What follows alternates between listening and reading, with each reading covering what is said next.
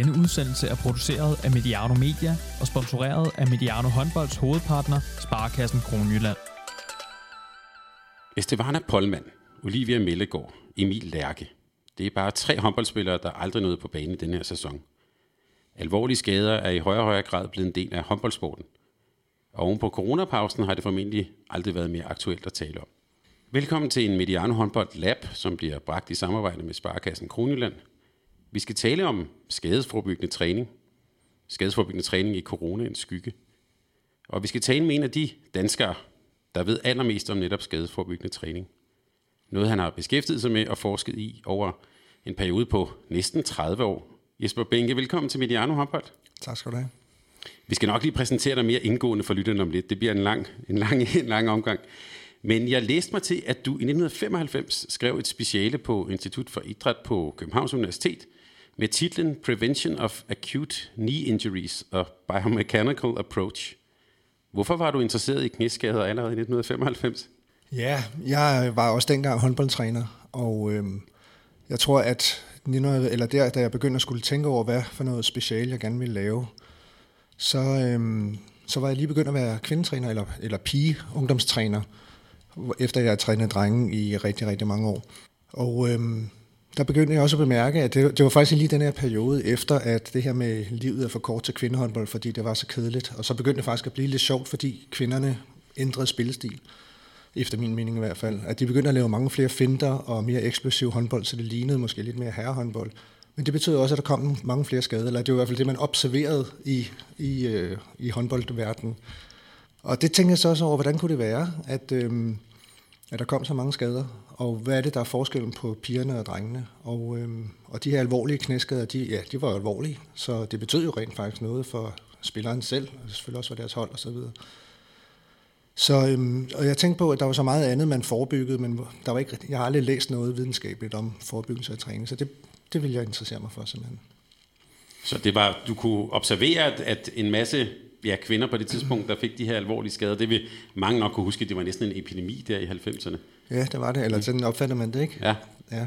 Er, det, er det egentlig, altså, øh, det kan vi vende tilbage til, nu bliver jeg bare nysgerrig, er, var frekvensen af skader dengang, var den større end den er nu? Det er svært at sige, fordi man målte ikke dengang, mm. øh, men den er stadigvæk forholdsvis stor. Øh, der er måske det, lidt, det går måske lidt i bølgedal, men, øh, men vi har set, at der stadigvæk er mange skader, og det kan man sige, dem der er i medierne lige nu, øh, er jo også med til at give det et, et signal om, at der er måske stadig, det er ikke noget, vi er færdige med. Og det skal vi høre meget mere om i dag. Jesper Benke er Ph.D. og laboratorieleder og idrætsskadeforsker på Hvidovre Hospital. Øhm, du forelæser hos, øh, på Københavns Universitet og Syddansk Universitet om biomekaniske undersøgelser i sport. Det skal vi også høre om, hvad det er for noget. Øhm, og du har været rundt omkring i øh, mange steder i håndboldverdenen og øh, fortælle og forelæse om forebyggelse af korsbåndsskader i håndbold hos det franske forbund. Du har været nede i det her Maison du Handball, Ja. Det skal, vi, det, det skal vi også lige høre om, hvordan det ser ud dernede. Øhm, og senest har du også været på øh, håndboldlinjen på universitetet i Porto. Øhm, og så har du jo for det her medie den sådan særlige egenskab, at du jo er håndboldmand på alle måder. Det er noget, du allerede også lige at sige her. Du er to det, der vel dengang svarede til en mastercoach, er det rigtigt? Ja, det var vist forløberen for mastercoach. Øhm, med altså nogle af det samme indhold som, som den nuværende mastercoach. Og den tog så to og et halvt år, så den blev kaldt den to og et halvt år i.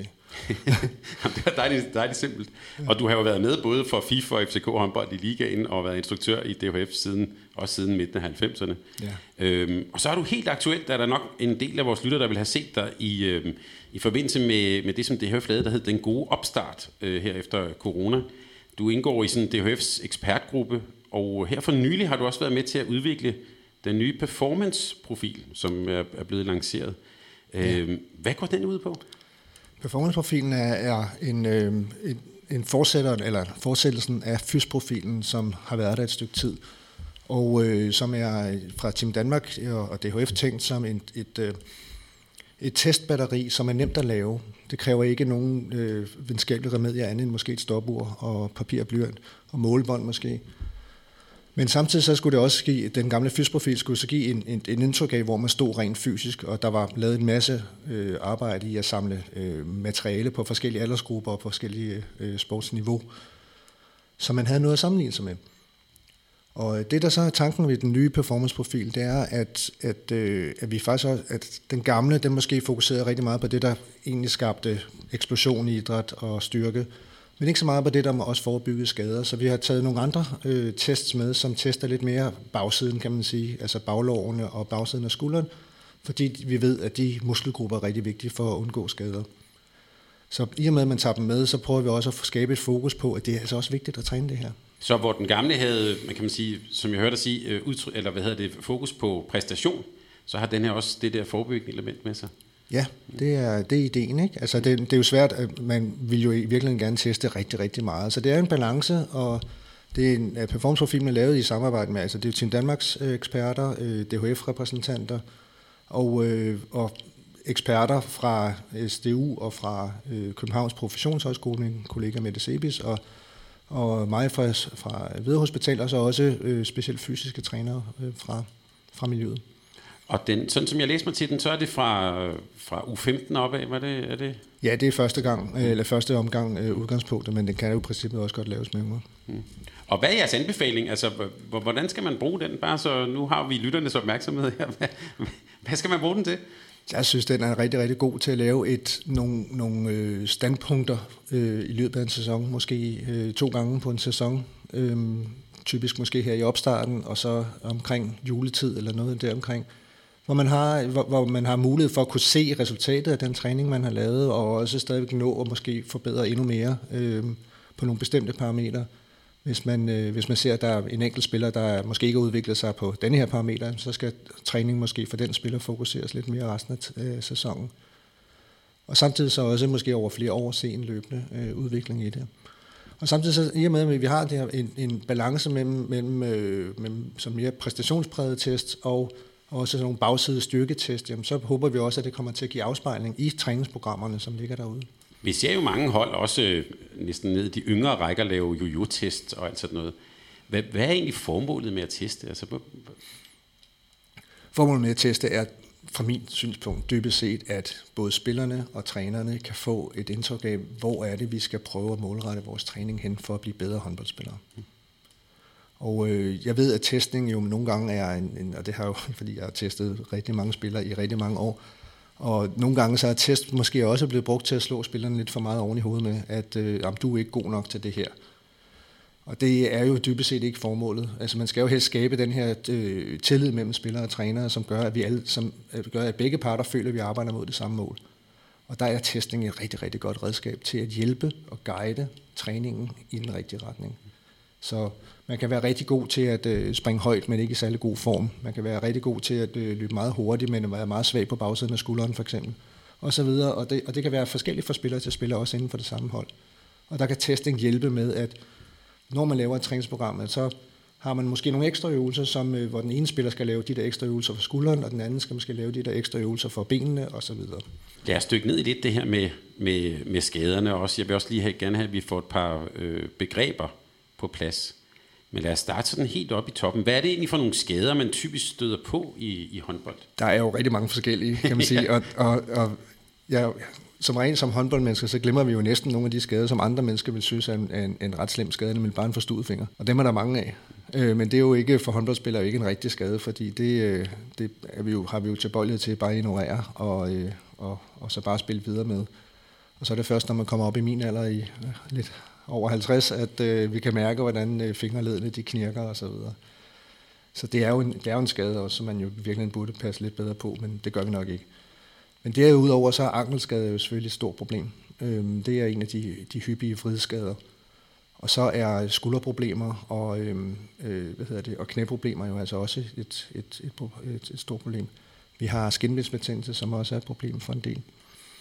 Så der, det er et, et, et, et bredt spektrum, men også når vi snakker skader, så skal man måske også kigge på, at der, der er ligesom to forskellige typer af skader. Der er dem, som man egentlig godt lige kan træne lidt videre med, fordi det gør lidt ondt, men øh, jeg kan godt, og så videre. Og så er der de mere akutte skader, for eksempel, for eksempel en forstuet fod. Der kan man jo ikke. Altså hvis man først har vrikket rigtigt om, jamen så, øh, så bliver man sgu nok nødt til at holde lidt pause. Ikke? Og øhm, mens i en skinbindsbetændelse, der kan man jo godt blive ved, og så må man måske gå ud senere, fordi nu gør det for ondt. Og der, øh, det er to lidt forskellige typer skader, som jeg måske også kommer til at snakke i dybden med. Og jeg tænker også, øh, nu nævner du øh, ja, håndbold med et smil, og jeg har også selv som forældre været på skadestuen med nogle børn, og så siger de, at for håndbold, og så smiler de bare på skadestuen.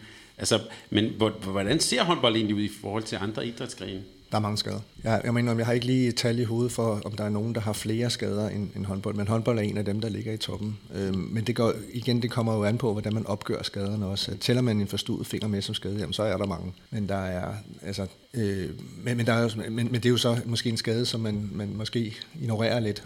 Men, men blandt de andre skader, der er vi også øh, oppe i toppen. Og når nu du er rundt, vi, vi nævnte, du havde været i, øh, i Frankrig øh, blandt andet, ja. øh, rundt i andre lande. Hvordan ser, øh, hvordan ser billedet ud i Danmark, hvis, du, hvis vi sammenligner med andre lande? Er det sådan den samme sport, de samme problemer, man bokser med? Ja, det, det er det nok. Det er nok nogle af de samme problemer. Altså, vi spiller så forskellige der håndbold heller ikke fra, fra nation til nation, at i forhold til de fysiske problemer, så, så er der er det nok nogle af det samme mønster. Det er nu egentlig aldrig blevet gjort op på den måde, men altså, fordi vi, mange gange så laver vi de her statistikker, øh, som med selvfølgelig på national plan, men som jeg husker det, så er der ikke særlig stor forskel mellem, øh, mellem de forskellige lande. Og der er nogen, det kommer også igen kommer an på, hvordan man opgør skaderne. Men umiddelbart øh, vil jeg sige, det ser meget ens ud. Og nu nævnte jeg, at du havde været i det her med Song du Anbol. Der. Ja, fedt, næsten, fedt sted. Du skal næsten lige for lytterne fortælle, hvad det er for et sted. Ja, altså det, det, er, jo, det, er, jo, det er jo et kæmpe kompleks, som... Øh, altså hvis der er nogen, der har været i Idrættens Hus i, i, i Brøndby, så hvor man kan sige, det er jo, det er jo Idrættens Hus og et stort sportskompleks for mange idrætter, og der er det faktisk nogenlunde det samme, øh, måske endda lidt større i Frankrig, men, øh, men nogenlunde det samme, og så bare kun for håndbold.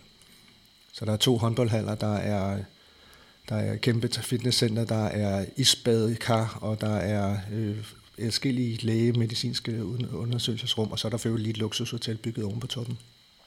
Hvor jeg kan sige, at der er kvaliteten af værelserne betydeligt bedre end ude i Idrættens hus. Og bare, bare gulvtæppet er jo så vævet ind med de forskellige olympiske og verdensmesterskabsturneringer, som de har, og der på hver, hver værelse hænger der et, et eller andet billede af et fransk hold, der har fået medaljer. Og dem er der jo rigeligt at tage af. Det, det er bare lige for at markere. ja, men også i indgangen, når man kommer ind, så er det der pokalskab der, ikke, som er ved at sprænge sig af pokaler, så man, man ved godt, hvor man kommer hen, når man kommer ind der. Og hvor langt er de med, altså når de inviterer dig derned, hvad, hvad handler det så om? Hvad, altså, jeg, jeg går ud fra, at de gerne vil have noget viden, men hvor langt er de med på den del? Når man kigger på, hvor mange øh, franske artikler, der kommer om skadesforbyggelse, så er det ikke nær så meget, som der kommer fra Skandinavien. Der er altså nordmænd, svenskere og danskere øh, betydeligt mere øh, fremme, kan man sige. Men, øh, men der begynder at komme nogen bestemt.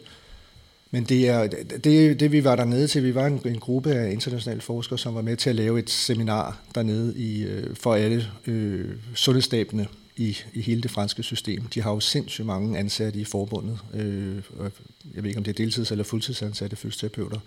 Så der var en 400 mennesker at, at lytte på, og det var et første, det første officielle arrangement i øh, Maison du Ball, så det var ret sjovt at være der.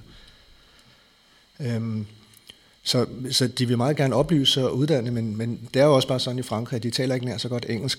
Øhm, og så vi blev også der talte engelsk, vi blev simultant tolket, og mm-hmm. alle de franske foredragsholdere, de blev så, skulle vi så sidde med hovedtelefoner på og få simultant tolkning af, af, hvad der var, de sagde. Det var selvfølgelig en oplevelse i sig selv. Men, øhm, men, men altså, det var, det var et, et, et flot arrangement, og det var, øh, jeg synes, det var lærerigt, og jeg fik mange tilkendegivelser fra fysioterapeuterne i, i, undervejs, altså øh, i pauserne, så kom de hen og spurgte om det og det, og så videre. Så der var en stor interesse for, at, at vi alle sammen kan dygtiggøre os og vide mere om, hvordan vi kan øh, gøre vores træning endnu bedre. Og hvad er det her for et, øh, hvad kan man sige, forskningsfelt? Altså, vi nævnte i starten, at du skrev speciale i 95. Det var sådan som vi hørte dig lidt ud fra sådan en næsten lidt en personlig interesse.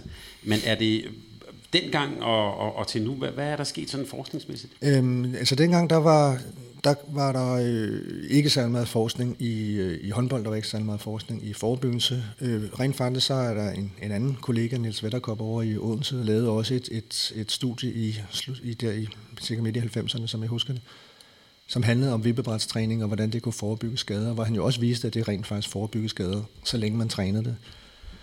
Øh, men senere så kom nogle af de rigtig store øh, sådan studier, som, som brød igennem, kan man sige, i forskningsverdenen, fordi det var øh, op fra Norge, fra Oslo, Grete Myklebust lavede et, et, et stort studie med den, den norske liga, og det er jo også øh, i forskningssammenhæng lidt sjældent, at man får lov til at arbejde med de bedste af de bedste, fordi der er har de jo altid meget travlt, og trænerne er altid nervøse for, om det, man kommer og laver, kan påvirke deres præstation.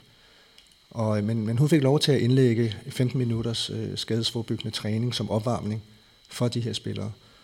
Og, øh, og så skulle hun så måle på, hvad betød det for antallet af korsbåndsskader. For det der også, også oppe i, i Norge var det jo et stort problem. Rent faktisk, nu er det jo bare mere en anekdote, jeg, jeg kan huske, at jeg har fået fortalt, ikke, at, at, øh, at der var jo stort ramaskrig, da de en gang der i slutningen af 80'erne ikke vandt det olympiske guld for kvindehåndbold, fordi de havde for mange korsbåndsskader. Og så var det, at der blev simpelthen bygget et, et, et institut for forebyggelse af skader, som er på finansloven, og har sindssygt mange penge til at forske i det. Så derfor er nordmændene også meget øh, fremme internationalt i forhold til skadesforbyggende træning og, og, for, og forskning i det.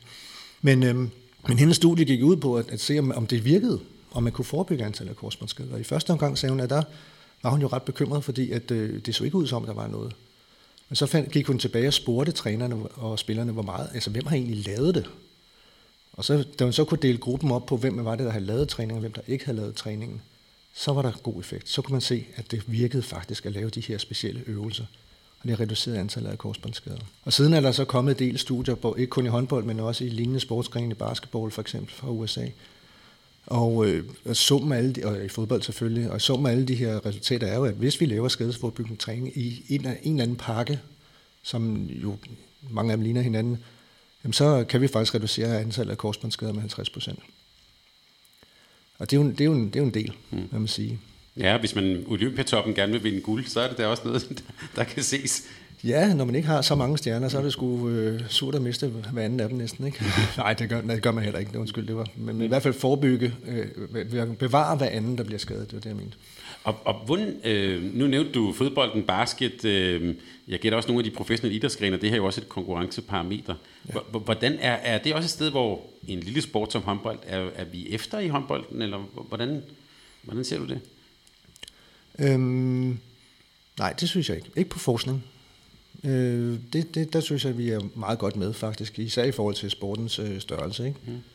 I USA bliver der naturligvis ikke lavet meget forskning i håndbold, mm. og det er et meget stort land, så der er rigtig mange forskere, øh, som er interesseret, og sport har en stor, øh, en stor profil derovre. Mm.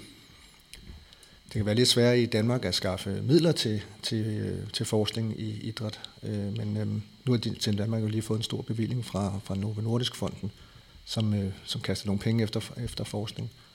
Men øh, det er så forskning i alt mulig form for idræt. Ikke? Mm. Jeg har lige et spørgsmål. Som, som nævnt er der jo ikke nogen grænser for min uvidenhed. Så øh, jeg sad sådan og, og, og tænkte tilbage sådan til sådan noget herrehåndbold i 70'erne.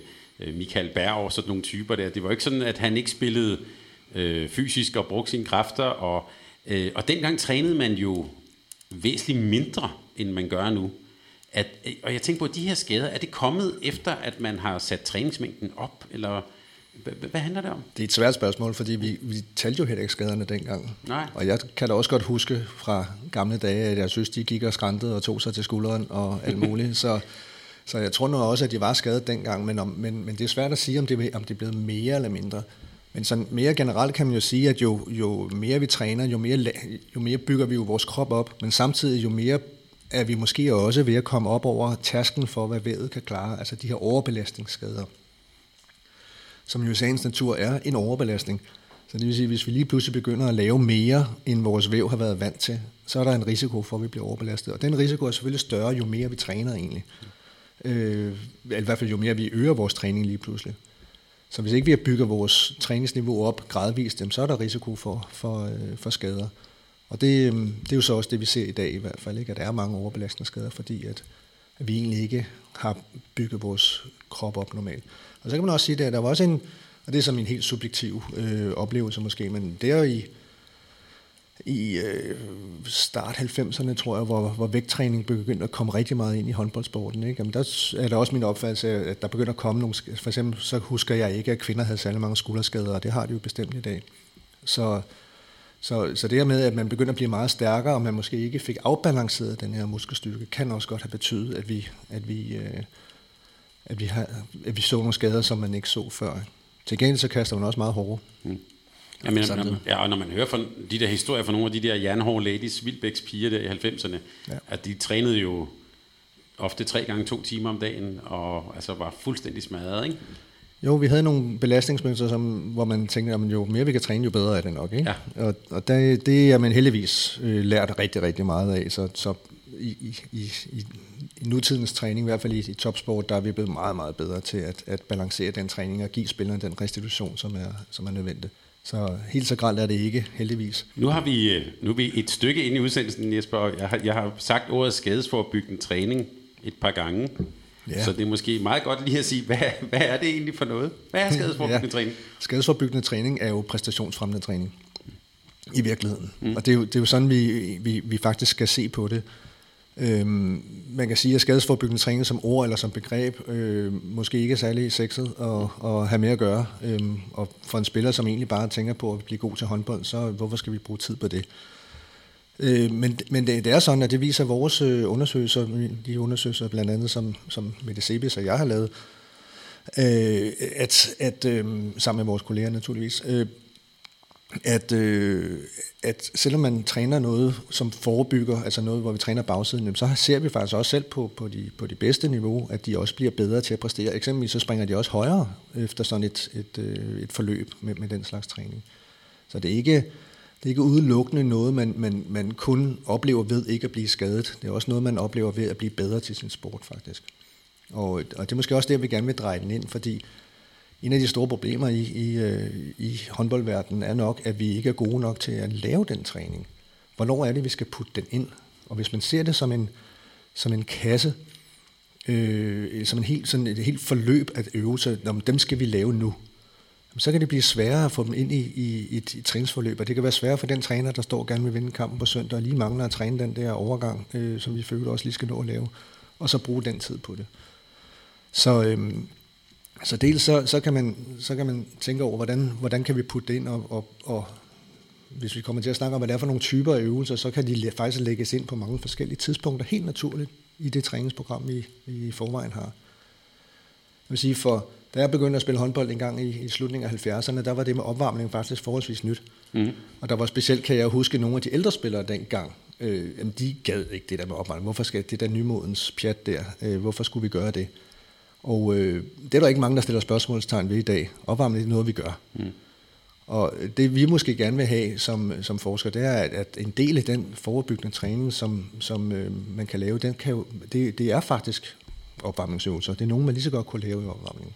Så i stedet for bare at løbe lige ud frem og tilbage, jamen, så kan man godt løbe med nogle opbremsninger, nogle landinger, nogle retningsskift i sit løb. Og på den måde træne sin hjerne i at styre øh, øh, muskler og led på den rigtige måde.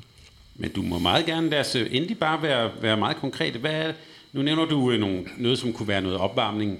Hvad er ja. det mere for nogle typer øvelser, vi taler om? Ja, altså der, der er ligesom nogle, der er forskellige parametre, som skal være på plads for, at vi er, øh, for at, at vi har mindre risiko for at blive skadet. Altså dels så skal vi, så, så er der det her med, at det er, jo, det er vores hjerne, der styrer alle vores bevægelser. Og hjernen den får sine oplysninger fra vores led. Altså der kommer, øh, der kommer oplysninger fra muskler og fra sener og fra ledbånd osv. tilbage til hjernen om, hvilken position er ledet i lige nu. Det betyder også, at eksempelvis hvis vi, hvis vi skal her i studiet prøve at røre os selv på næsen, så er det nemt, når vi har åbne øjne. Men når vi har lukket øjne, så kan vi rent faktisk også gøre det næsten lige så præcist. Og det kan vi gøre, fordi hjernen ved al den feedback, altså al den tilbagemelding, den får fra led og muskler, så kan den øh, vide, hvor vi er henne i rummet, hvor vores led er henne. Og den her, og det betyder, at vi kan få sådan en, en, en god, præcis kontrol. Og det er vigtigt. Eksempel, prøv at forestille dig for eksempel, at vi har en fod, hver gang vi sætter den i jorden, så sætter, skal den gerne sættes i sådan nogenlunde flat, fladt, eller vi sætter hælen i og så videre. Den skal, den skal ryge lige ned i jorden. Hvis nu den bliver sat skævt i, sådan så det er ydersiden, der ryger i, jamen så, øh, så er der jo større risiko for, at hvis vi bare er lidt skævt på den, så ryger foden den anden vej, og vi vrikker om. Og det er faktisk det, der er problemet, at, at, som man jo måske nok ved, at hvis man har haft forstuet foden, så er risikoen for at forstude foden igen stor. Og det er simpelthen fordi, at når man har forstuet foden, så har man ødelagt nogle af de der, øh, der er ødelagt et ledbånd i, i foden, og de signaler, som det ledbånd skulle sende tilbage til hjernen, de er blevet lidt forstyrret, fordi ledbåndet er blevet ødelagt. Det vil sige, at hjernen får ikke de rigtige oplysninger nu om, hvilken position foden er i. Og det vil sige, at når vi sætter foden i, så kan det være, at den hænger sådan lidt mere øh, med, med ydersiden nedad, og så, kan man, så er risikoen for at blive skadet igen stor. Så det vil sige, at, at, at vi bliver nødt til at lave noget træning, som træner hjernen i at forstå de signaler helt præcist, der kommer fra ledene. Og det er så noget, der hedder ja, proprioceptiv træning med et fint ord, ikke? men altså øh, for eksempel balancetræning, når man står og balancerer på et vippebræt eller noget af den stil, jamen så, så trænes hjernen i at, at tolke alle de der ledbevægelser.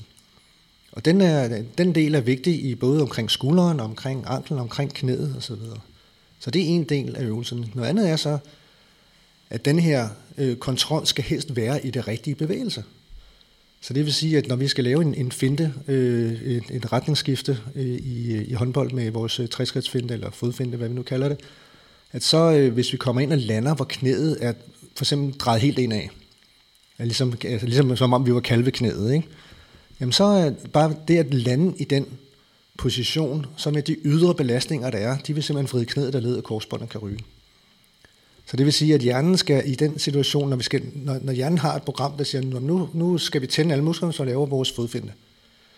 Så nytter det ikke noget, at den mangler lige den, øh, den del af, af, af kontrollen, som gør, at vi får knæet placeret det rigtige sted. Fordi på et eller andet tidspunkt, så bliver belastningen så stor, så knæet kan ryge. Så derfor skal vi træne rigtig mange landinger og øh, retningsskiftbevægelser, kontrolleret, men hvor vi har fokus på, at knæet bliver styret rigtigt. Fordi så, er der, så, så bliver det inkorporeret i det program, det motorprogram, så hedder det faktisk, øh, som hjernen har til den givende bevægelse. Og det samme gælder, når vi for eksempel har været op og lavet hopskud, og når vi skal lande, også selvom vi får et lille skub måske, mens vi er i luften, jamen, så skal vi kunne lande stabilt. Og det er altså nogle motorprogrammer, det er jo ikke noget, vi tænker over, om nu skal jeg lande sådan og sådan efter. Det er noget, vi bare gør, og det er jo fordi hjernen har nogle motorprogrammer, som vi har trænet fra vi var helt små, som den så bruger. Men hvis ikke det motorprogram er, er helt optimalt, så er risikoen lidt større. Så hvis vi har en ungdomsspiller, vi, øh, og vi øver alle de her landinger og, og, og står og korrigerer på, nu skal øh, knæet, det skal ikke være kalveknæet osv., så er det både noget, hvad kan man sige, noget fysisk motorisk træning, men det er også træning for hjernen? Det er faktisk træning for hjernen. Det er jo hjernen, der styrer alle, vores bevægelser. Så uanset om det gælder om at kaste rigtigt, øh, eller om det gælder om at lande rigtigt, eller hvordan, jamen så er det nogle, nogle, øh, nogle programmer, altså, og når jeg siger programmer, så er det virkelig, nu nørder vi lige lidt her, ikke? men mm. altså, det er jo serier af muskelaktiviteter, som hjernen sender afsted at hvis du skal lave et kast, så starter hjernen med at sende en serie afsted til bækkenet, der lige skal dreje. Jamen, så, er det, så er det kroppen, der skal dreje, så kommer skulderen og så videre. Og den sekvens af muskelaktiviteter er det, der hedder et motorprogram til kast, for eksempel. Og der kan vi også godt se jo, at hvis man tager en, en, en nybegynder i håndbold, jamen, så ser kastet jo ikke rigtigt ud. Der er en forkert teknik. Og, øh, men hjernen får jo så det feedback fra alle de forskellige led. Men så er der en træner, der står og siger, du skal lige prøve at gøre noget andet. Og så prøver spillerne at gøre det helt bevidst, og det bliver jo langsomt, og det bliver lidt klodset og så videre. Men, men hjernen får noget ny feedback fra sine alle ledende, som siger, okay, er det det, der skal være motorprogrammet? Jo mere spilleren gentager noget, der bliver rigtigt, jo mere lærer hjernen det som en, et, et, et motorprogram, som nu skal bruge, som nu hedder kast. Mm. Og på den måde, så, så, så øh, har hjernen en masse forskellige motorprogrammer til alle mulige ting, så den kan gøre ting, uden at vi skal tænke, tænd den muskel, tænd den muskel, tænd den muskel i rækkefølge, men det er noget, den gør automatisk. Og det er de motorprogrammer, som helst skal være så optimale som muligt. Og nu har jeg snakket om, om landing og så videre, men det gælder jo bestemt også op omkring skulderen øh, i, i kastet.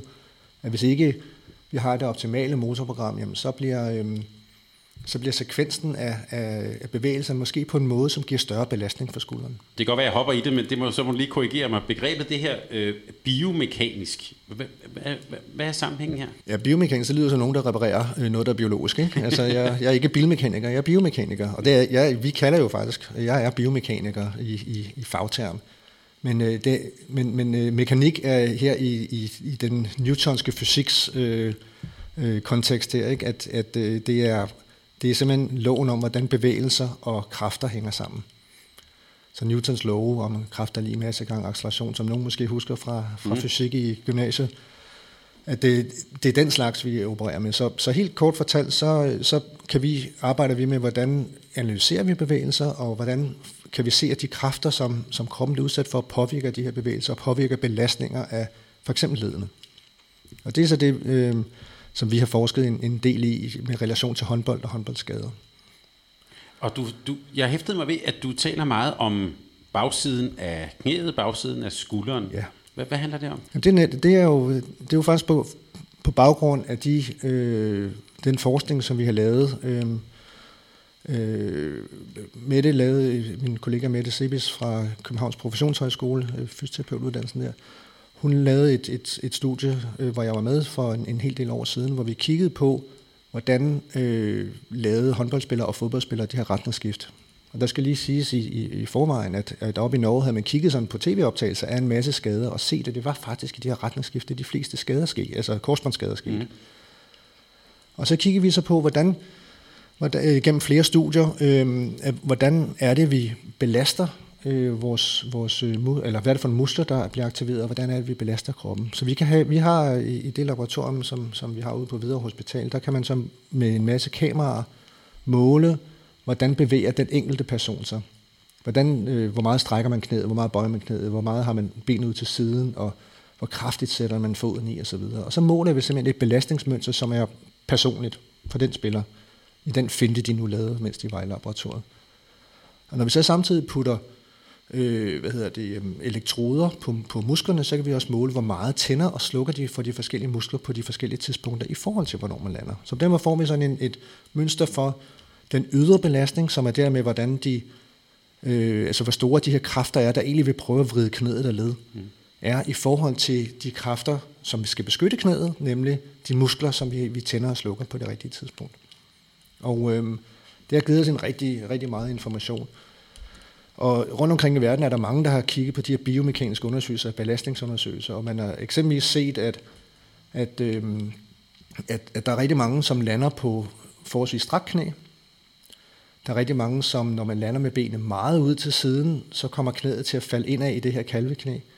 Og der kan vi så se, at hvis man gør det, jamen så bliver belastningerne altså også så store på korsbåndet.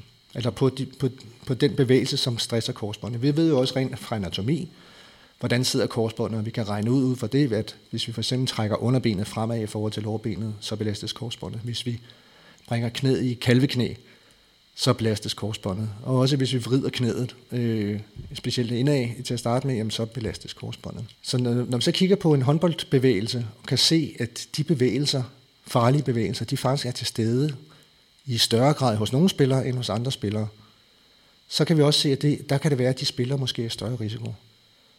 Men på den anden side set, så har vi så øh, vores, vores interne beskyttelsesprogram, øh, øh nemlig vores, vores motoriske programmer. Ikke? At kan vi med vores hjerne tænde for hasemusklerne? Fordi vi ved så også fra anatomien jo, at den måde hasemusklerne sidder på, de kan beskytte korsbåndet mod de her kraftige belastninger. Og noget af den forskning, som, som vi så har fundet ud af, det er, at, at, at når man laver de her bevægelser, så dem, der rent faktisk bliver skadet senere hen, det er øh, dem, som er meget dårlige til at tænde for den, den inderste af baglårets muskler. Og øh, det giver meget mening, fordi den inderste af baglårets muskler er den, der kan også kan beskytte knæet mod det her kalveknæsbevægelse. Den kan også beskytte mod en del af rotationen, og sammen med den anden baglårsmuskel, så kan den også beskytte underbenet mod at glide fremad. Alle tre, de, de tre bevægelser, som, som egentlig belaster korsbåndet. Og det, øh, det er, jo, det er jo ret vigtig viden egentlig, fordi øh, at, at, øh, at vi kan se, at der, hvis man har et motorprogram af en eller anden grund, som, som øh, gør, at man ikke kan beskytte sit korsbånd optimalt, så kan man sige, så kan vi også gøre noget ved det. Og der er igen de to knapper, vi kan skrue på. Det ene er, at vi kan måske lande på en måde, som giver mindre ydre belastning. Og det var alt det, vi snakkede om også med, med, med træningen, i, man kan lave i halen med, at man skal lære vores spillere, og gerne fra de helt små, at lande rigtigt. Man skal lande lidt mere ned i knæ. Man skal lande med, med øh, en, en god alignment, som vi siger på taget fra mm. engelsk, altså en god linje fra foden op igennem knæet til hoften. Så knæet må ikke falde ind af på den måde.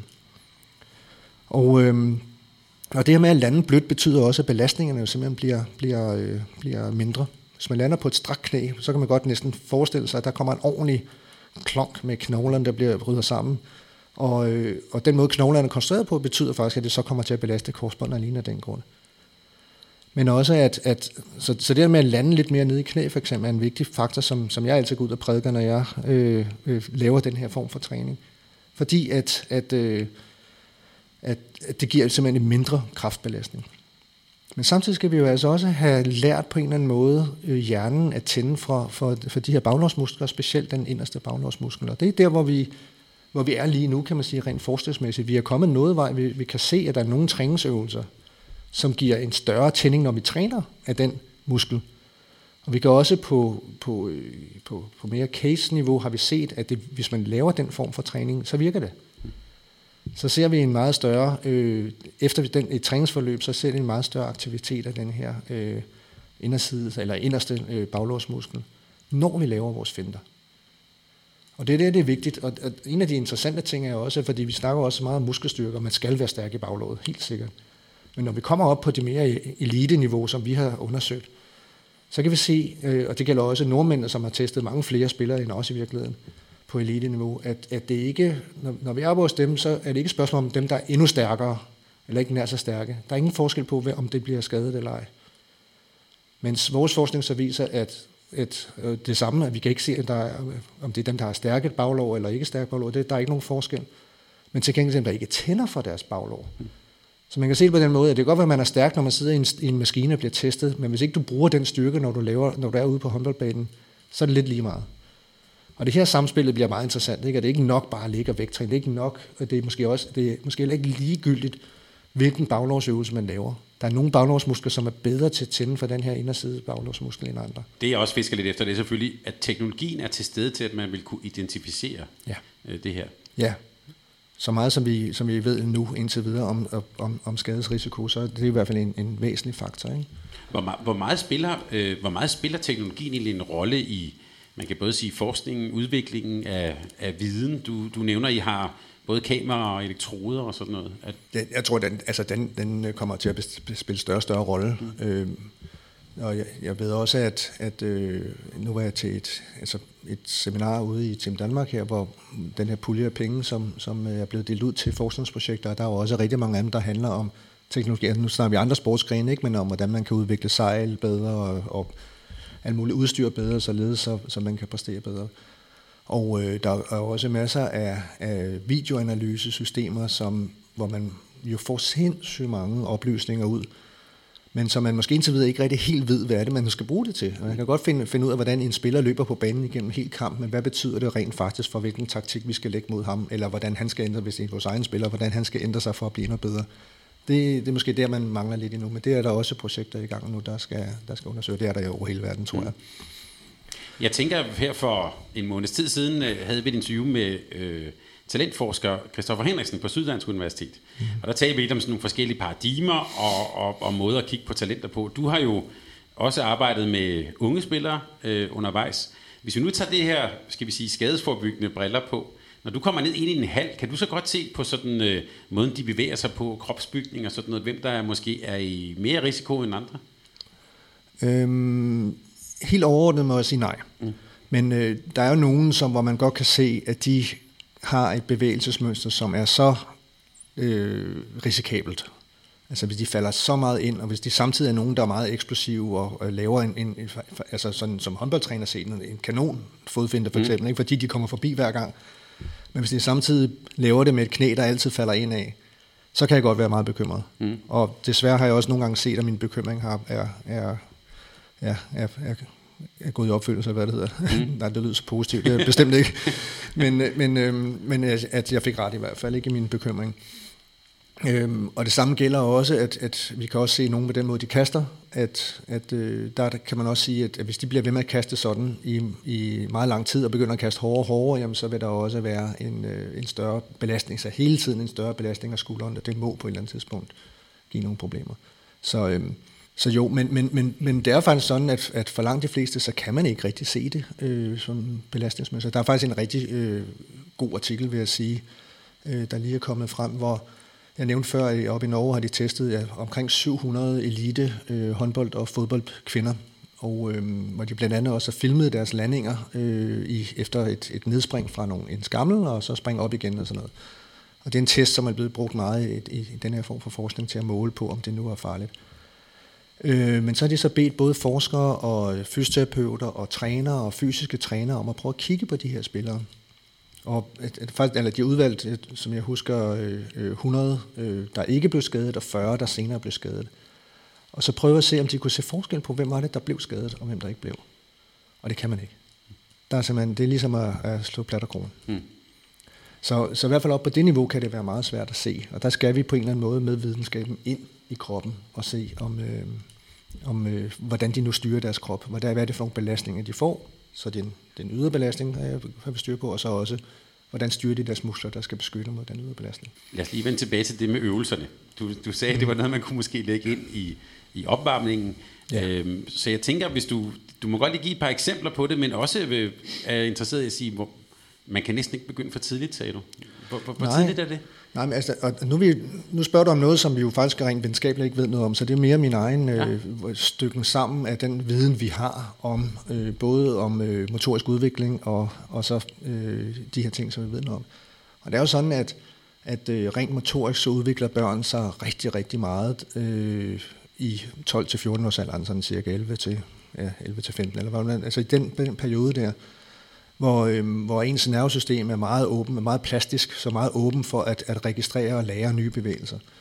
Og det, øh, det er jo et, et, det har man jo talt om øh, mange gange, at det er der, man skal lave rigtig meget teknisk træning, fordi at, at så, så lærer de det hurtigt. Men øh, samtidig så kan man også sige, at det er også det, et, et tidspunkt, hvor man så kan lære de andre motoriske programmer. Så hvis man lærer dem at lande rigtigt på det tidspunkt, så lærer dem at, at kaste rigtigt, øh, hvor de bruger hele kroppen i en sekvens, og ikke bare kun skulderen, når de kaster for eksempel, jamen så, øh, så er der en, en, en, vil jeg tro i hvert fald, en meget bedre øh, sandsynlighed for, at de ikke bliver skadet. Man kan sige, at den forskning, vi har, der, der kan vi jo se, at, at, øh, at der får vi dem jo efter den her periode.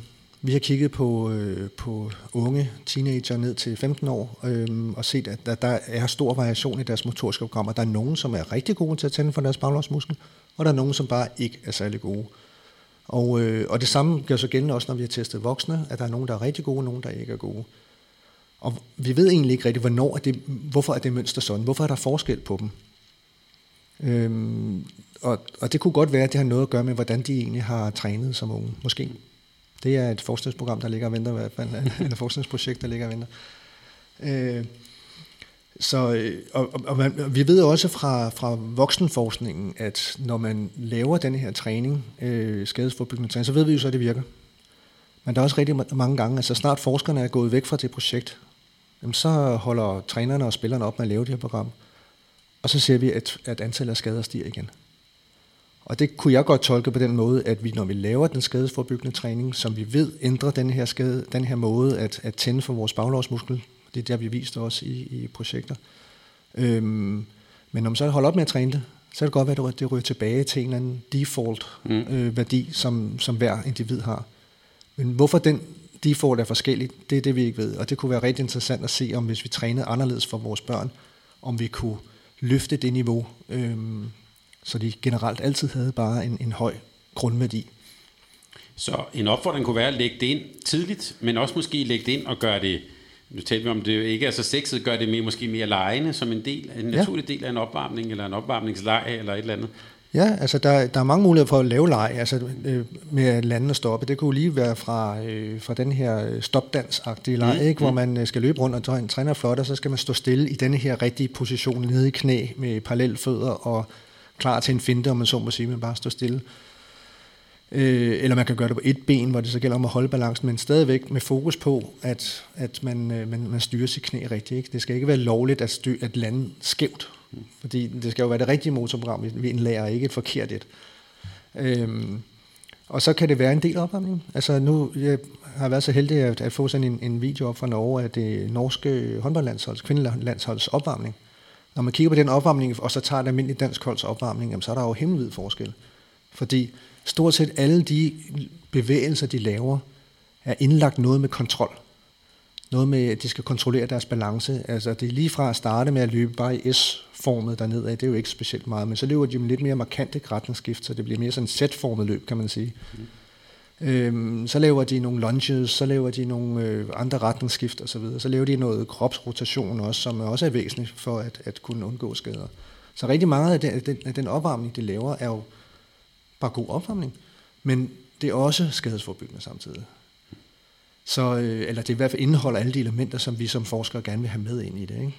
Så det kunne være, altså så i stedet for bare at gøre det, som alle de andre, andre hold gør, ja. så har de faktisk valgt at lægge det ind der, så det bliver egentlig bare noget helt naturligt, vi bare gør. Helt naturligt, ikke? Ja. Og, øhm, og det, men, men der er altså bare en eller anden form for, for barriere, har jeg oplevet, ikke? når man er ude og, og, og skulle arbejde med, med spillere, jamen så, eller og jeg har jo været træner, og når jeg prøvede at, bruge øh, to-tre øh, uger på at sige, nu skal vi løbe sådan her, nu skal vi løbe sådan her, og det vil jeg gerne have, I gør, når I, når I løber og opvarmer dig selv. Så snart jeg vender ryggen til, mm. så er vi tilbage til, at det er måske kun øh, 10% af dem, der egentlig gør det. Mm. Eller måske 20, hvis jeg skal være sød, ikke? men, men der er mange, der ikke gør det. Så glemmer de, og så løber de stadigvæk og lige snakker med sig selv, med hinanden og så videre. Og det, øh, Ja, der, der er i hvert fald en, en udfordring i, i det, ikke? Øh, at det skal bare være vane. Men, men en gang der lærte vi, at vi skulle varme op, og nu skal vi måske bare lære, at vi skal varme op på den her måde, i stedet for en anden måde. Så jeg, jeg, jeg, jeg er fortrøstningsfuld i forhold til det. Jeg kan godt tænke mig lige at spørge lidt til det her, øh, du har nævnt det her med skulderen nogle gange. Mm. Øh, nu er vi jo i et øh, radiomedie, så vi kan ikke se, hvis vi laver skulderbevægelser her. men men øh, man hører jo tit sådan tale om, at man skal have høj arm og kaste på en særlig måde, og Øh, jeg ved også, der er nogle projekter med høj arm og sådan noget. Altså, hvad pokker handler det om? Ja, altså, man kan sige, helt isoleret vil vi jo gerne kunne skyde over en parade selvfølgelig, så det der med at have en, en, en, en, øh, en arm så højt op som overhovedet muligt, det kunne jo umiddelbart give den fordel. Men hvis vi nu kigger på, hvordan skulderen er konstrueret, og vi, også hvis vi ved noget om, hvad det er for en type af skader, der typisk kommer hos håndboldspillere, og den type af skader, der typisk kommer, det, det er, ja, på engelsk hedder det impingement, men det, man kan, det er oversat til dansk, det betyder det afklemning. Så det vil sige, at at hvis man lægger sin hånd på sit, øh, oven på sin skulder, så kan man mærke, at der, der er en, en knogle der. Og hvis man så løfter armen så, øh, og holder den her knogle ned, så kan vi kun løfte til et bestemt niveau. Og øh, det vil sige, at, at for at få den højere op, så skal skulderbladet, som den knogle er, den skal så dreje sig med opad. Og hvis nu ikke skulderbladet og vores ønske om at løfte armen højt, det hænger sammen, så er risikoen for, at overarmsknoglen, den ligesom maser sig op mod, denne her, mod undersiden af den her knogle, vi kunne mærke og så afklemmer de strukturer, der er der. Det kunne være nogle af vores øh, muskelsener, de små muskler, der løber helt inden tæt på skulderen, og det kunne også være nogle øh, ledbånd, der bliver, der bliver mere stramt, der bliver mere strammet. Så det, når, hvis, man, hvis man virkelig kigger på de her spillere, som, øh, som kaster rigtig, rigtig hårdt, og alligevel skyder med forholdsvis høj arm, så ser man, at selve vinklen mellem deres krop og deres overarm, den er ikke meget over 90 grader. Men til gengæld så læner de sig meget til siden og deres albuvinkel er måske også lidt mere strakt.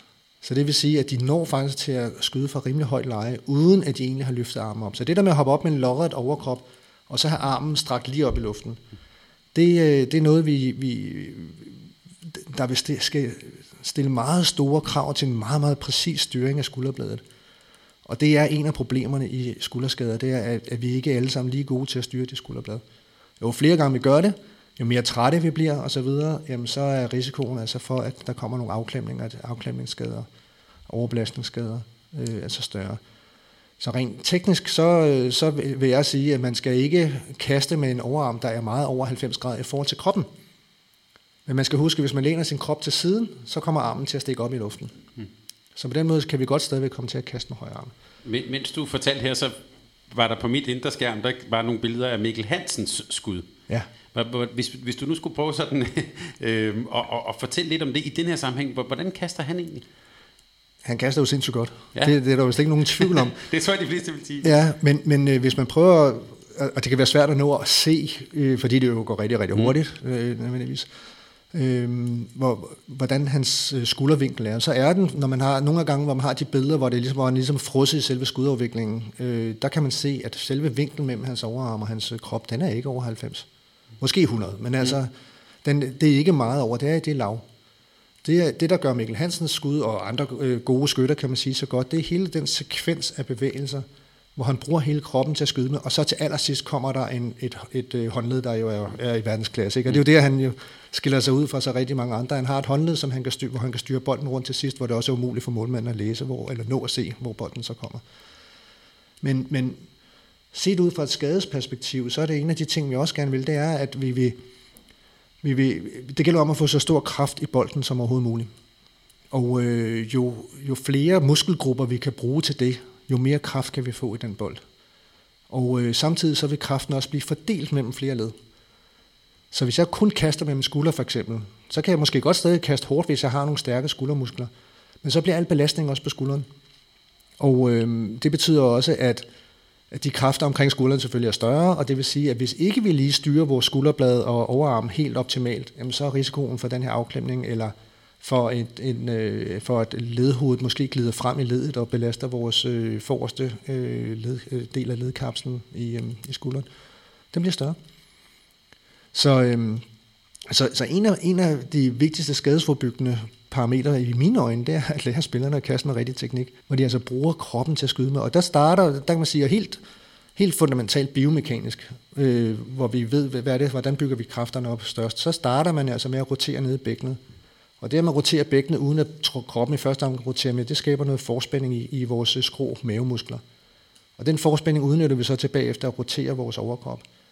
Og den overkropsrotation skaber en forspænding op i vores brystmuskel, så får vores arm til at hænge lidt mere tilbage. Nu står jeg her og viser det i, mm. i studiet her. Thomas skal se det. Ja. Øhm, jeg kan tage et foto af det, så har vi det. Bare fortsæt, Jesper. ja. og, øh, og den forspænding i skulderen, eller i, i den store brystmuskel, den er jo så klar til at hive vores overarm fremad. Og når vi hiver overarmen fremad, jamen, så ud og roterer vores øh, skulderled også, så de indad rotationsmuskler, vi har, de også får noget forspænding. Og så kan de så ind og rotere vores arme. det er den vigtigste øh, del af vores øh, kastbevægelse, det er faktisk den her ind- og rotation af armen. Og så kommer så til sidst håndledet og noget albuudstrækning øh, også. Ja, nu bliver jeg nysgerrig, hvordan får man sådan en håndled som Mikkel Hansen? Er det medfødt, eller er det, ja, det, eller er det der, et tvang? Med, ja. Nej, altså det, jeg tror, at hvordan, altså man kan jo se, at alle spillere jo i virkeligheden kaster en anelse forskelligt, ikke? Mm. Og, øh, og, og også går forskelligt og alt muligt. Så der er jo små bitte forskelle. Der er jo små bitte forskelle, der kan stamme fra, at vi øh, måske, nogen har lidt kortere ben end andre, eller nogen har lidt øh, øh, ja, længere arme end andre, og så ser det anderledes ud, når man bevæger sig. Men også, også hvordan, hvilke, hvilken motorisk øh, fundament har man. Det kan godt være, at træneren har vist både Mikkel og alle de andre, der spillede på hans hold, at nu skal vi prøve at gøre sådan her med håndledet. Men i Mikkels hjerne, der har det været sådan, at han måske bedre kunne omsætte det, han fik at vide til rent faktisk at gøre det, fordi at han havde et, et motorisk øh, fundament, som kunne oversætte en besked til noget at bevæge sig. Og det er jo det, vi jo alle sammen står i som træner. Vi kan give den samme besked til alle, og det er jo vidt forskelligt, hvordan den øvelse bliver udført. Selv når vi har stået og forevist, at det er sådan, I skal gøre det, jamen så, så tager det noget tid for at få lavet de her motorprogrammer. Og der kan det godt være, at han enten har brugt mere tid på det, eller han bare har fanget det hurtigere, eller, eller noget andet. Og man kan selvfølgelig hjælpe sådan nogle ting på vej med, at man, øh, at man, at man, man kaster med bolde, man rent faktisk kan holde på. Mm. Ja. Fordi den, den sidste håndledsbevægelse, det, det nytter jo ikke noget, hvis man ikke kan holde på bolden. Og i gamle dage kan man sige, at der, hvor, hvor man, jeg kan huske, da, da jeg var øh, øh, 10 og, eller 12, undskyld, at rykke op til U12, øh, som det hedder i dag, der, øh, der blev bolden jo meget, meget stor. Og vi havde ikke Harbex dengang, vil jeg lige sige. Så, øh, så vi bar jo bolden rundt som en tjener bær en bakke, ikke? Fordi vi, og så støttede vi den afsted nærmere, det lignede næsten mere kuglestød, end det lignede håndboldkast, fordi vi ikke kunne holde på den, så hvis vi skulle kaste, som man gør i dag, så ville det ryge ud af hånden på vejen. Og det, og det var jo lige præcis i den motoriske guldalder, som man siger, der hvor vi skulle lære egentlig alle de her motoriske bevægelser. Så det vil sige, at der, der missede vi en masse år. Heldigvis er det jo, har man jo måske lært af det, og det vil sige, at i dag så er boldstørrelserne meget mere nuanceret.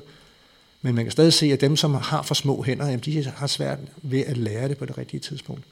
Og der kan det godt være, at Mikkel og andre, der har et rigtig godt håndled i dag, at de, øh, de har måske trænet rigtig meget med tennisbold i stedet for, for eksempel, ikke? og så bare øvet sig på at bruge håndledet meget.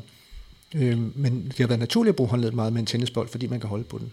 Men argumentet for at have for eksempel en lidt større bold i det, der nu hedder U13, det er jo, at vi skulle, hvis de spillede med en for lille bold, ville det gå ud over deres skulder. Ja. Er det rigtigt? Ja, øh, den, den, ja det, det, fordi så kaster man lige pludselig for hårdt, måske, ja, ikke? Ja. Øhm, og i forhold til, hvor stærkt det er. Det, øh, det kan godt være rigtigt. Mm. Det vil jeg ikke lægge hovedet på blokken for, men, øh, men, men det, er, det, det, det kan sagtens være rigtigt, ja. Men, men altså, udover altså det her med, med, med teknikken af kastet, ikke, jamen så, så er det jo vigtigt, at vi prøver at få brugt alle ledene i den her sekvens, øh, således så skulderledet ikke bliver øh, øh, hvad hedder det, belastet så meget. Så derfor er jeg også meget fortaler for, hvordan er det, man trækker armen op til kast, at man ikke trækker den op den her vej for, foranlæns, men altså man, man har den bagved, sådan så det er kroppens rotation, der starter bevægelsen og så får man øh, fordelt belastningen over alle ledene øh, i, i en sekvens, der er optimal. Jesper, du nævnte, at øh, man næsten ikke kan begynde øh, for tidligt på det her, den her type træning. Hvorfor er det vigtigt? Det er vigtigt, øh, specielt for pigerne, kan man sige, at, at der ved vi, at, den, at i puberteten, eller efter puberteten, har der sagt, fra cirka 15 år og op til de 20 år, der er der klart den største risiko for, for de alvorlige knæskader for, øh, for pigerne. Så det vil sige, at, og, og det har jo noget at gøre med, hvordan piger udvikler sig også i forhold til drenge, at, at øh, det er jo den periode, hvor drengene virkelig tager på et muskelmasse, men pigerne tager lidt mere fedt på, for at se det lidt ud. Mm. Og øh, samtidig med, at de ikke har det samme øh, testosteron, som er med til at opbygge musklen, så stiger deres muskelstyrke ikke på samme måde i den periode. Og det er måske en af grundene til, at vi ser, at der er så mange korsbåndsskader hos de unge piger. Så, så øh, i den her scene, eller i puberteten, altså det vil sige før vi kommer til, det, til den farlige periode, der er det jo så vigtigt, at de får trænet alle de her øh, korrekte landingsteknikker, øh, og også noget styrketræning for baglov, og, og, øh, og, øh, og, og sådan nogle ting for at, at undgå, at de, øh, at de får de her skader, eller for at reducere risikoen. Desværre kan vi ikke undgå dem nok helt. Så der er det det her med at få, altså få trænet hjernen, som du har været inde på, og få ja. trænet den godt til det her. Ja, og jeg skal lige sige, nu er det jo pigerne, der får flest korsbåndsskader, men drengene får det også, så det, er, det, det gælder jo sådan set i begge køn. Mm. Ja, det er den samme sport, de dyrker. Ja, det er det ikke, altså, men øh, drengene er bare lidt bedre, øh, måske styrkemæssigt, øh, både styrkemæssigt udstyret, og vi har også øh, resultater, der viser, at drenge faktisk helt naturligt er bedre til at, øh, at øh, styre deres baglov, altså til at tænde for baglåret, når de laver de her retningsskiftfinder. Så udover den øh, motoriske træning, den motoriske kontrol og styrke, som vi har talt om. Hvad er der ellers, eller hvad, er der, hvad skal man mere være opmærksom på at træne i? Ja, altså øh, selvfølgelig den gode teknik, som jeg også nævnte i bevægelserne, men, men det er jo så også sådan noget som faldteknik. Øh, synes jeg i hvert fald er vigtigt, øh, fordi at man kunne godt forestille sig situationer, hvor spillere, som ikke er så gode til at lande på gulvet, øh, de føler, at de slår sig, de i en situation, hvor de måske er lidt ude af balance i luften, heller vil lande på fødderne. Og øh, hvis man er lidt ude af balance og lander på fødderne, jamen, så er risikoen for, at man lander skævt i forhold til knæbelastning for eksempel, øh, jo betydeligt større.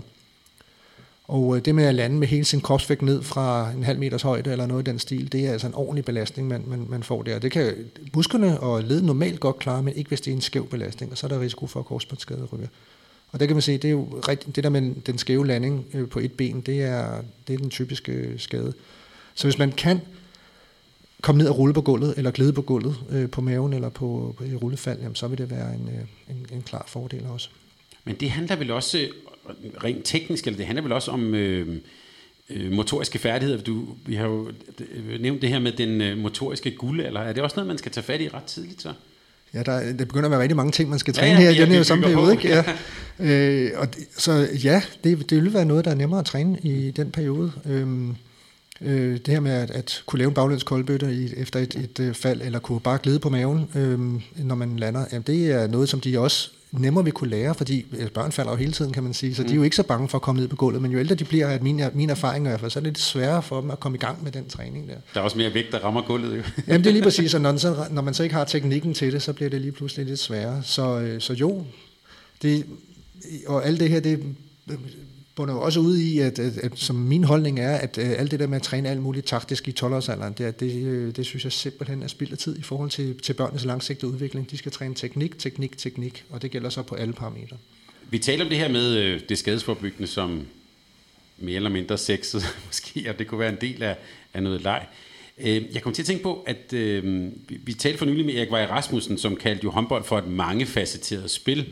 Øh, og vi kunne også bare sige, at der er jo, øh, og det har vi også haft her på Mediano, Mediano Lab, der er jo, man kan sige, der er fysisk træning, teknisk, taktisk, hele det mentale område. Øh, altså der er, og, og man kan sige, og, og du nævner også, nu kommer jo øh, big data snart ind, og mm-hmm. der er masser og masser af komponenter, vi hele tiden kan ændre på.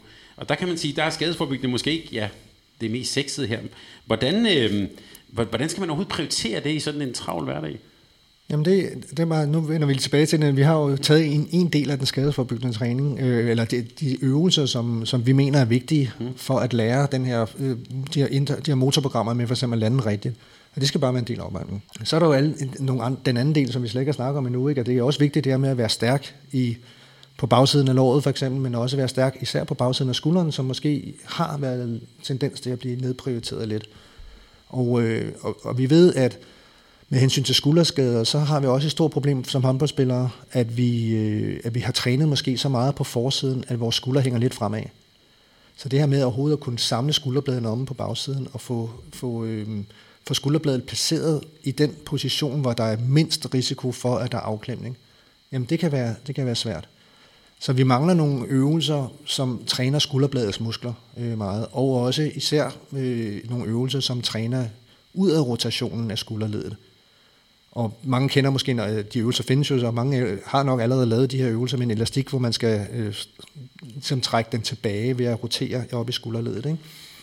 Og de, de er sindssygt vigtige, virkelig vigtige. Det er, det er måske den mest veldokumenterede rent videnskabeligt styrkeøvelse, man skal have lavet. Men selve den her kontrol, motoriske kontrol af skulderbladet, nu snakker vi om motorisk kontrol af knæledet før, men det gælder faktisk også op for skulderledet, og også muskelstyrke i skulderbladsmuskler. Det er, jo, det er nogle ting, som kan lægges ind andre steder. Man kan godt lave øh, øh, øvelser, hvor man skal, i stedet for at lave almindelige armstrækninger, så kan man lave noget, hvor man, hvor man øh, balancerer lidt mere på skulderledet, eller på, på armene, således som balancen omkring skulderledet bliver bedre. Og så er der nogle, skuld, nogle, nogle styrkeøvelser, som bare skal med i styrkeprogrammerne. Der er rigtig mange spillere, i hvert fald når man er oppe på et vist niveau, hvor man laver øh, vægttræning for eksempel. Og øh, der har jeg, er det simpelthen min strategi, at jeg lægger dem simpelthen bare ind som en del af vægttræningsøvelserne. Og så, så øh, specielt i de yngre alder, hvor øh, jeg, jeg er blandt andet også konsulent i, i DHF til at lave øh, talenttræning, styrketræningsprogrammer for, for kvinderne. Og øh, der er det simpelthen en del af, de, af det styrkeprogram. Og så kan det godt være, at jeg har en øvelse mindre for brystet med, fordi vi har noget mere for bagsiden. Men for mig så er, det, så er det den investering i fremtiden, at vi reducerer risikoen for at få skulderskader. Og styrkeprogrammerne er, jo, er der jo ikke nogen tvivl om, det skal vi jo lave. Altså det er der ikke nogen problem med at få spilleren til at lave. Så det er en, øh, når vi har med, i hvert fald med elite-delen at gøre, så er det nogle ting, som skal, som, det er bare en del af det ene træningsprogram eller det andet træningsprogram, altså i opvarmningen eller af, af styrkeøvelserne. Så pædagogikken, hvis vi skal kalde det det, er egentlig at gøre, altså alle ved, hvis man er en del af DHF's øh, talentprogram, jeg skal træne styrke, jeg skal blive stærkere. Så, så, øh, så sniger du det lidt ind der, hvis jeg skal sige det på den måde. Ja, det gør jeg. Mm. Det gør jeg, og, øhm, og det ser jeg egentlig ikke noget, det har jeg ikke hørt nogen problemer med overhovedet. Nej, for vi har altid tid til at lave styrke ja. jo. Eller, ja, ja, lige præcis, ikke? fordi det er jo netop præstationsfremmende, men det er jo også tilbage med, til min pointe, ikke? at det er jo ikke, at vi vil hellere kalde det øh, præstationsfremmende træning end skadesforbyggende mm. træning, fordi det er jo altså præstationsfremmende ikke at blive skadet. Ja. Hvis du skal være ude et år med en skulderskade, det er ikke noget, du bliver bedre håndboldspiller af. Det kan vi vist hurtigt være enige om. Så, øh, så, så den del er vigtig. Men det, og det vil sige, når vi har med de der øh, lidt ældre og, og mere øh, eliteorienterede øh, spillere, som laver det her træning, altså laver styrketræning, laver opvarmning osv., der er det naturligt, det skal bare være en del af det. Så er der en større udfordring i, hvordan får vi det ind endnu yngre, hvor man måske ikke har en vægttræningsperiode. Som, der er ingen grund til, at øh, 12-årige skal vægttræne som sådan. Øhm, og der ved jeg også, at Dansk Håndboldforbund er sammen med, med forskere fra SDU er i gang med at finde ud af, hvordan kan vi implementere de her øvelser, den her tanke, øh, tankemåde i, øh, i, i træningen på de lidt yngre. Ikke? Og det, fordi det, det er en af de ting, vi også ved fra, fra, fra tidligere, at selvom DHF har lavet nogle, nogle øh, fine programmer omkring skudklar skulder, hedder det, eller øh, knokkel for de knæ, mm. det kan du godt huske. Mm kan du huske skudklar skulder? Nej, nej. Nej, der kan du selv se. Øhm, at der, det er der en, desværre en meget, meget lille kendskab til. Og også når man, når, øh, man spørger spillere, om de har lavet skadesforbyggende træning, så øh, øh, nej, måske har de alligevel, men, men, men hvad er det egentlig? Så, øh, så, så derfor er Mariette Møller fra SDU er i gang med et projekt, hvor hun skal prøve at få implementeret, øh, hvordan, om vi kan få hvordan, hvordan får man folk til at lave den her træning bedre? For jeg tænker også, det, bare den samtale, vi har haft her, der er jo mange sådan tekniske begreber, vi taler om biomekanik, øh, rotation i skulderen og alt muligt. Øh, det er jo en, vil jeg sige, en relativt specialiseret øh, viden, så nu har vi selvfølgelig samtalen her, men hvordan får man egentlig den ud og leve ude i hallerne? Ja, øh, det er jo en pædagogisk udfordring, øh, og, og specielt omkring de her øh, skulderøvelser, der er måske nogle af øvelserne, som er, er nyere, som er opfundet med, fordi vi ved, har den viden, vi har nu, om hvordan kontrollen af skulderbladet skal, kan trænes bedst muligt, styrkemæssigt i hvert fald. Men ellers så er det jo bare et, også en, en indstilling til at, at prioritere bagsiden. Jeg husker dengang, øh, fordi jeg var talenttræner dengang også, da vægttræning for alvor kom ind i talenttræningssystemet. Og der var det jo sådan, at, at, at der var jo ingen øvelser for bagsiden hverken for baglovet eller for, eller for bagsiden af skulderen i de første programmer, der kom. Og det var noget, man måtte implementere, og når de så kom, så var det en øvelse for bagsiden versus tre øvelser for forsiden. Og for øvrigt af den øvelse for bagsiden, det var så med så lav belastning, at den slet ikke gav det samme som den på forsiden. Så det, det, det er jo, det er jo en, en bevidsthed, der er helt klart, altså den, den bevidsthed tror jeg ikke, man, man, man, øh, man, man, går, man går galt af nu. Alle trænere ved nok, at det gælder også om at træne bagsiden. Men det kan bare være rigtig godt, hvis man får prioriteret det måske endnu mere i sine styrketræningsprogrammer.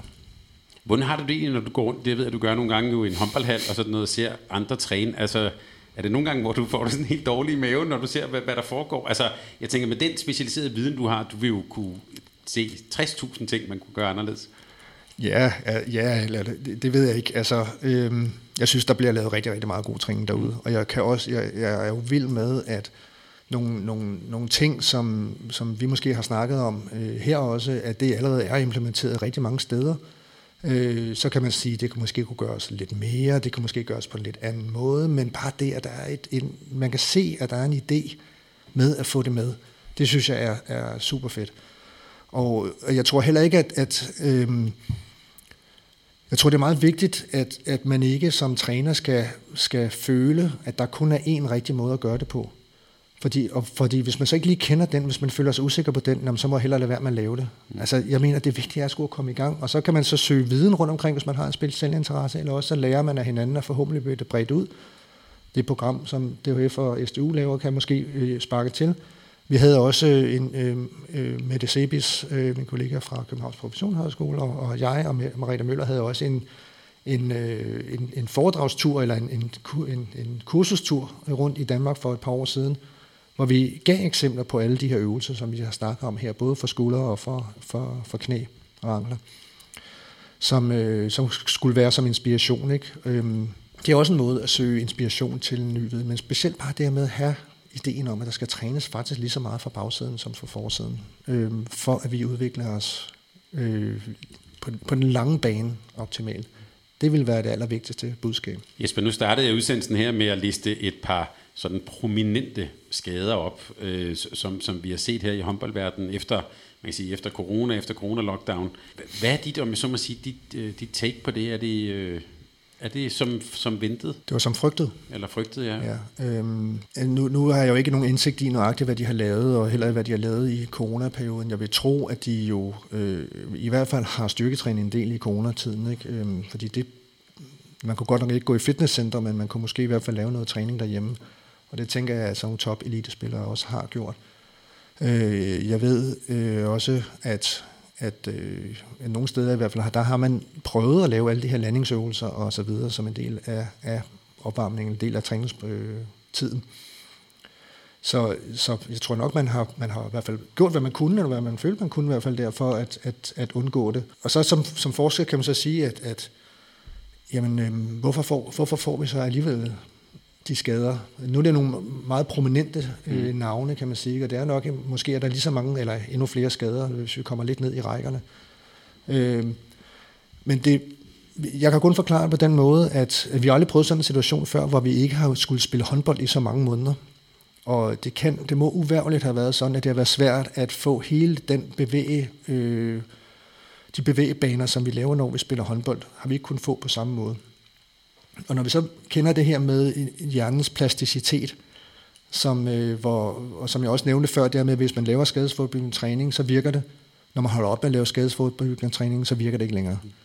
Og det kan jo sådan være lidt i den boldgade, ikke? når man har spillet så meget håndbold at vi, øh, i så mange år, som de her spillere har, at så kan det godt være, at deres motoriske programmer alligevel ikke er mere robuste over for den lange pause, der har været end at de altså ikke er helt oppe i den samme kontrol af led og muskler, som, øh, som de var før. Men derudover så er det jo så også sådan, at der er også en faktor, som vi på meget videnskabelig vis kalder shit happens. Mm. at øh, det kan, der er altså nogen, der bliver skadet alligevel, uanset hvor meget de gør. Ja. Så kan man altså godt blive skadet. Det jeg nævnte også før, at vi kan se, at vi kan reducere antallet af korsbåndsskader med 50% med skadesforbygning, men jo ikke med 100%. Mm. Så der er altså nogen, der vil blive skadet under andre omstændigheder, og det kan så være, der kan jo være rent uheld også. Nu beder jeg dig om at være lidt spåmand her. Vi, vi, vi beskæftiger os jo også nogle gange med at analysere ligaen, og hvem er favoritter, og sådan, og så kommer der jo så nogle alvorlige skader, som jo kan ændre på det billede. Øh, nu er de i gang. De har spillet nogle runder i både herreligaen og, og, og kvindeligaen. Er, er, det så, er, er vi så tilbage til normalen igen? Øhm, jeg ved ikke, om vi er tilbage til normalen lige nu, men øh, jeg, jeg jeg tror, at det bliver mere normaliseret, øh, hvad det, jo, mere, jo længere hen vi kommer i sæsonen. Øh, fordi så får de, har de jo trænet så meget håndbold, de har lavet alle de bevægelser, de har forhåbentlig også lavet al den træning, som vi har stået og snakket om her, som jeg også har indtryk af, at der er rigtig meget af på et allerhøjeste niveau. Øhm, så så det, øh, det, det regner jeg bestemt med. Og nu, men, men igen, vi undgår ikke skaderne. Nej, shit happens, det er et godt videnskabeligt begreb, ja. øh, som vi har lært i dag. Øh, nu nævnte du det lidt længere nede i rækkerne, og jeg tænkte, øh, ligagerne, øh, de voksnes liga er jo lidt foran for eksempel ungdomsrækkerne, hvis vi nu siger U17, U19. Mm. Hvad, hvad, øh, hvis du var U17, U19-træner, hvad, hvad, hvad, hvad har vi så lært? Hvad skal man være opmærksom på? De er jo ikke begyndt, og, og i hvert fald, jo, de spiller nogle træningskampe og sådan noget, men hvad, hvad skal de tænke på? De skal tænke på rigtig meget af denne her øh, landingstræning, balancetræning. Øh, de skal tænke på rigtig meget af, af nogle af de bestemte styrkeøvelser, øh, som vi ikke har snakket så meget om, ikke, ikke helt konkret, men altså øh, nogle af de her baglårsøvelser, når, hvad hedder det, øh, kettlebell swing for eksempel, eller eller Romanian deadlift, som er nogle af de øvelser, vi ved, der tænder rigtig meget for denne her specifikke baglårsmuskel, som vi er interesseret i. Nordic hamstring er en rigtig god øvelse, også især for at undgå fiberskader i baglåret så skal man tænke rigtig meget i, i, øh, i skulderøvelser, øh, for at, at det træne både rotationen af skulderen, men også at man træner øvelser, der får samlet skulderbladet. Og også gerne øvelser, som får løftet skulderbladet, det vil sige noget med at presse opad. En shoulder, det er en øvelse, der på engelsk hedder shoulder press for eksempel, er også en, sandsynligvis en god øvelse i hvert fald. Så i hele op- opstarten her, fokus på alt muligt øh, ja. spillemæssigt, men også fokus på de her øvelser? Ja, det er fokus på at lave de styr, styrprogrammerne også, ikke? At, øh, at, at de bare er en del af et, et styrketræningsprogram. Og Jesper, nu har vi været, vi har været godt igennem. Vi har også noget lige her at vende ligegærende her. Hvis du lige sådan kigger ud i fremtiden på dit eget sådan forskningsområde, øh, hvordan, ser, hvordan ser du fremtiden der? Vi har talt lidt om teknologien, men hvad, når du kigger lidt fremad, hvad skal du i gang med? Øhm, vi, vi skal fortsætte, som vi gør lige nu. Øh, vi kæmper også for at få penge til alle vores projekter. Men, men, øh, sådan er det i forskningsverdenen. Sådan er det i forskningsverdenen. Ikke? Så, så derfor laver vi jo slet ikke så meget, som vi gerne ville. Øh, men øh, vi skal kigge på, hvordan at vi i, øh, vi skal blive endnu klogere på, hvad det er for nogle øvelser, som rent faktisk, når det handler om knæet for eksempel, øh, som kan få vores beskyttelse til at blive endnu mere effektiv. Og øh, nu nævnte jeg kettlebell swing, det er en øvelse, som vi kan, og, og hvad hedder det, Romanian deadlift, øh, som to styrkeøvelser, som vi ved tænder for de her muskler. Vi vil også gerne se på, i hvor høj grad er det rigtigt. Vi har set det på case-niveau, og det virker virkelig godt, men, men øh, vi vil gerne se det også i større populationer. Øhm, og tilsvarende skal vi også kigge på, på skuldre. Det er betydeligt mere kompliceret at kigge på, hvordan skulderen fungerer, men øhm, vi, der er et studie op fra, fra Norge, der har lanceret nogle, nogle styrketræningsøvelser, eller nogle, nogle forebyggende øvelser for skulderen, som også viser, at det reducerer ris, øh, risikoen for skulderskader. Men det kan også godt være, at der er nogle, nogle andre øvelser, som vil være endnu bedre, og det er noget af det, vi forsker i også. Jesper, det glæder vi os til at følge med i. Tak fordi du ville være med her på Mediano håndbold. Vi er blevet, jeg er i hvert fald blevet klogere, så jeg ved ikke, om lytterne er, men øh, det var spændende. Jeg er tak. rigtig glad for det. Tak. Det er godt, tak. Tak fordi du lyttede til en podcast af Mediano Håndbold. Hvis du kunne lide udsendelsen, så husk at abonnere på Mediano Håndbold, der hvor du hører podcasts. Så får du den seneste udsendelse serveret direkte til dig. Du må gerne fortælle dine venner om os, og husk at følge os på Facebook, Twitter og Instagram. Mediano Håndbold kan lade sig gøre, takket være Sparkassen Kronjylland. Vi har gået hånd i hånd siden foråret 2018, og de er med os hele 2020.